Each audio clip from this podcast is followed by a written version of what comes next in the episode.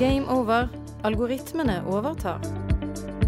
Du hører Maren og Morten snakke om kunstig intelligens. I po forrige podkast så snakka vi litt om Ada Loveless og Alan Turing. Um, og nå så har du sagt at vi skal snakke om to andre storheter, Morten. Fortell. Ja, det er mange navn her. Og Ada Loveless og Alan Turing det er absolutt storheter innen algoritmeforskningen. Men ingen av de lagde noe egentlig kunstig intelligens. De lagde algoritmer, men enklere algoritmer, som hadde kjempeimpact i samfunnet, men allikevel eh, enklere algoritmer. Og i dag tenkte jeg vi skulle snakke om to navn som kanskje ikke er så kjent for alle, men en av de heter Marvin Minsky, og en annen heter Frank Rosenblatt. Og dette var to forskere som jobbet mye med kunstig intelligens. Noe litt før man var snakk om å kalle det kunstig intelligens, men også litt, litt etter. Og det er i hvert fall en av de store pionerene i kunstig intelligens i den form at de lagde algoritmer og klarte å lære å plukke opp ting fra miljøet sitt, som vi snakket om for et par podkaster siden.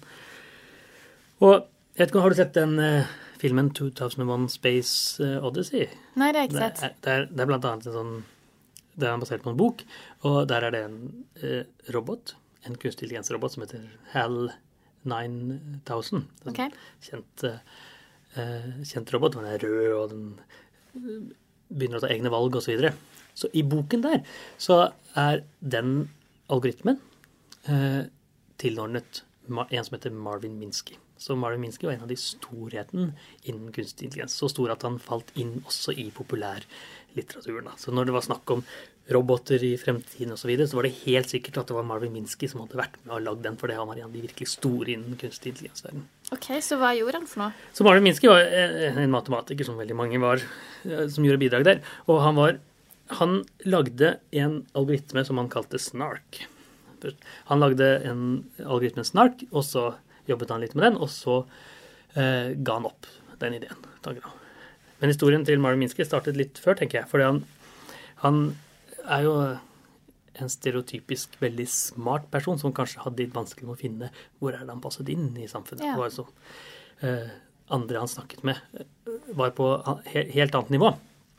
Og Marvin Minsky tok en, blant annet noen IQ-tester i starten og fant ut at han skulle gå på en gifted school i Bronx, eh, hvor han blant annet møtte Marvin, hvor Marvin Minsky møtte Frank Rosenblatt.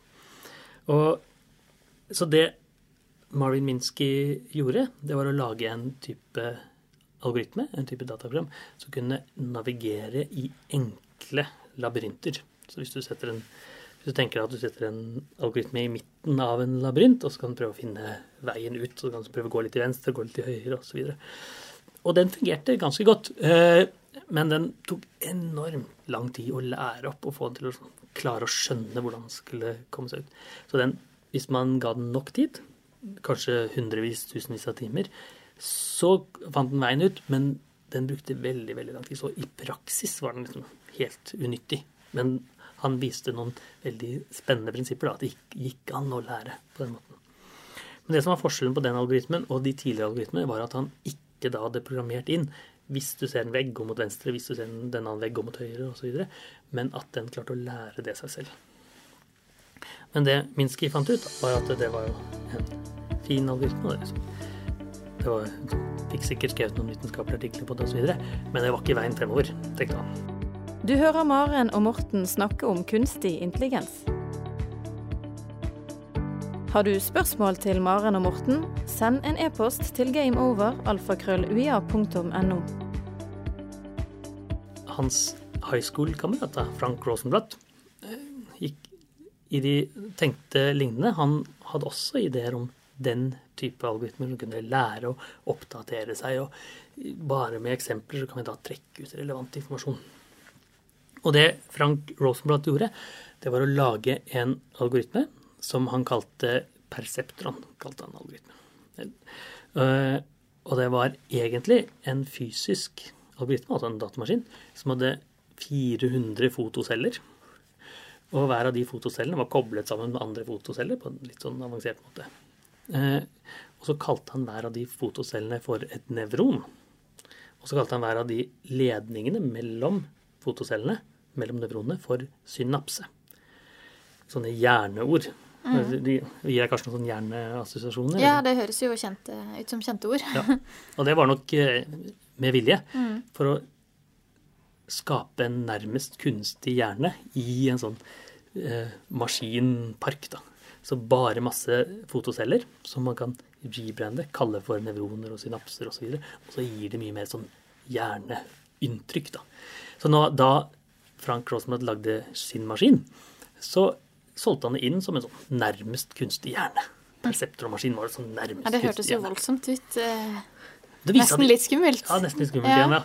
Men det viste seg at den kunne, den kunne gjøre ganske mye. Så hvis du f.eks. ga den bilde av noe, en mann eller en kvinne eller noe, så kunne den først Du kunne trene den opp til å skjønne at hvis du dyttet et bilde av en kvinne, så var det en kvinne. Hvis du dyttet et bilde av en mann, så var det en mann. Og med tanke på at dette er på begynnelsen av 50-tallet, så er det jo veldig, veldig imponerende. Det var igjen, det var ikke skjermer eller tastatur eller noe. Det var sånn lampen kvinne da som lyste. Oi. Og han klarte å eh, gått inn, og i New York Times, kjente avisen, så var det snakk om at denne perceptoren-algoritmen til Frank Rosenblatt, det var antageligvis noe som snart kom til å gå og snakke av bevissthet og tanker og følelser. allerede da, ja. Allerede da. Overhypa teknologi, da. Og det var, Frank Rosenblatt syntes jo det var kjempespennende, selvfølgelig. Eh, Så viste det seg at han skulle, han skulle demonstrere denne perceptron-algoritmen til eh, militæret. For hvis du kan kjenne igjen kvinne og mann, f.eks., så kan du kjenne igjen mer militærfaglig relevante ting, sånn som sivilbil og militærbil. Hvis du kan skille mellom en sivilbil og en militærbil, så det, kan du kanskje lage autonome våpen. og Amerikanske militære var kjempeinteressert i den typen algoritme. da. Kanskje man kan lage sånn autonome våpen og skyte bare biler istedenfor sivil, sivil, militærbiler istedenfor sivilbiler, f.eks. Nyttig. Og det han gjorde, var selvfølgelig å ta masse bilder av sivilbiler og masse bilder av militærbiler. Og så prøvde han å lage de sivilbilene så lik militærbiler som mulig. F.eks. male litt grønne og litt kamuflasje, og, eh, og gjerne med disse militærbilene motsatt.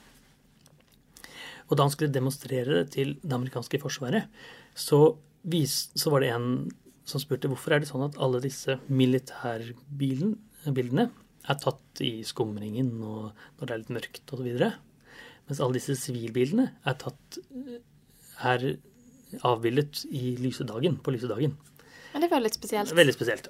Det jo, da, altså, disse to bildene, militærbildet, var alle liksom litt sånn mørkt og litt sånn overskyet og sånn. Men de andre var liksom helt klare lysdagen. Og det det viste seg, da, det var jo at eh, Frank Rosenblatt hadde slurret litt med dataene sine. For den, det algoritmen egentlig gjorde, det var å klare å telle antall prikker, piksler kaller vi det, i et bilde.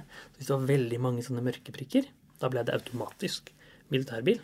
Hvis det var veldig mange lyse prikker, så ble det automatisk sivilbil.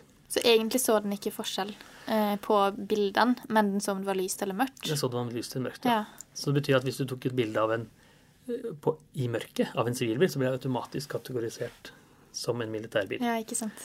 Så, eh, og det, eh, da dette ble funnet ut, så var jo Frank Rosenblott eh, latterliggjort, Ja. nærmest. Eh, for det, det som var solgt inn som en nærmest kunstig hjerne, som kunne løse problemet få bevissthet og snakke og alt mulig sånt, viste seg å kunne bare telle antall prikker. Det var egentlig det den gjorde da, i praksis. My- Nå må vel ha sett dette selv, at eh, det, det, han har sikkert sett det selv. Den klarer å finne noen mønstre, men det er telling av prikkene som egentlig betyr noe. Ja. Og det er en rekke eh, Og Og da går disse prikkene eller pikslene på lyst og mørkt, ikke på farver og gjenkjenning generelt. ja, i hvert fall veldig enkle mønstre den klarer å se, da. Mm. Og stort sett lyst og mørkt, som du ser da. Eh, og denne nettverket av nevroner klarte egentlig bare å telle. Det var en tellemekanisme. da. Veldig enkle sånne matematiske funksjoner den klarte å gjøre. Og det eh, tenkte Marvin Minsky, han andre personen som var tidligere venn med Frank Rosenblatt, at, at dette var noe vi kunne jobbe med.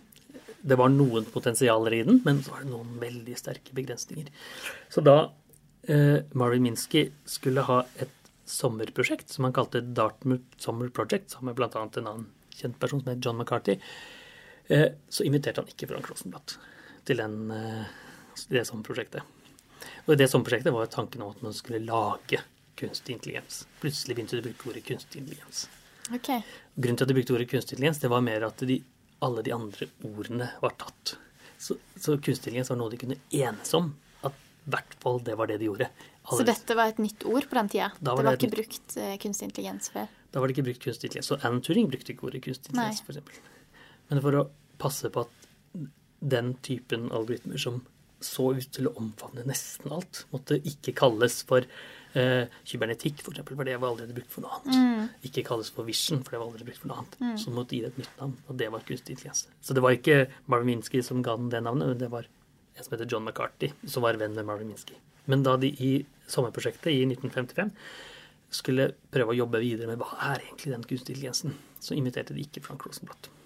Så allerede da så ser det ut som det er noe som skurrer mellom disse to Noen tidligere venner. der, ja. Noen gnisninger. Så antageligvis så eh, vites ikke om han ble sur eller ikke, men kanskje ble han det, da. Mm. Men noen år etterpå så kom uh, Marvin Minsky med en bok sammen med en annen forfatter som han kalte Perceptrons. Og da var det, skutt, da var det spikeren i kisten for, uh, for Perceptron-algoritmen. Denne Ja. kunstige nevralnettverket. For denne boka kritiserte algoritmen til Frank eh, Ja, den snakket om både de store fordelene med den, og de store ulempene med den. Og det, eh, Minsky beviste sånn med matematikk hva den kunne gjøre, og hva den absolutt ikke kunne gjøre. Og det var noen veldig enkle problemer som den ikke engang klarte å gjøre på den måten. Uten å bygge den mye, mye større, da. Og Perceptrons kom i 1969, og det var da starten på det vi kaller 40-årsnatten i algoritmeforskningen. For etter det så blei kunstig intelligens, og i hvert fall den biten som handler om nevrale nettverk og perceptrons, og den biten som Frank Rosenblatt nesten ikke jobbet med. Det ble sett på som en sidespor i kunstig intelligensforskning. Med disse matematiske, statistiske teknikkene. Det var de som dominerte. Mens den kunstige hjernen med perseptrons, nevroner osv., det var ikke sett på som den første og viktigste kunstig intelligensbiten på nesten 40 år.